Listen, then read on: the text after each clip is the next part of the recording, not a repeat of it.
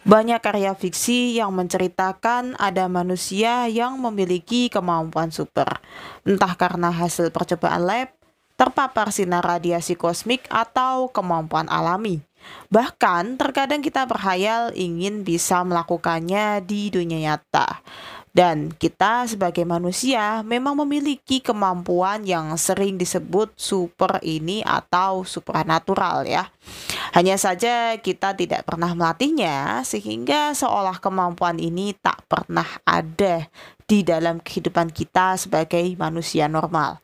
Nah, apa saja kemampuan-kemampuan supranatural yang bisa kita miliki dan bisa kita latih ini Stay tune terus di podcast Lintas Dimensi karena nantinya akan dibagikan cara melatih kemampuan ini. Salam semesta.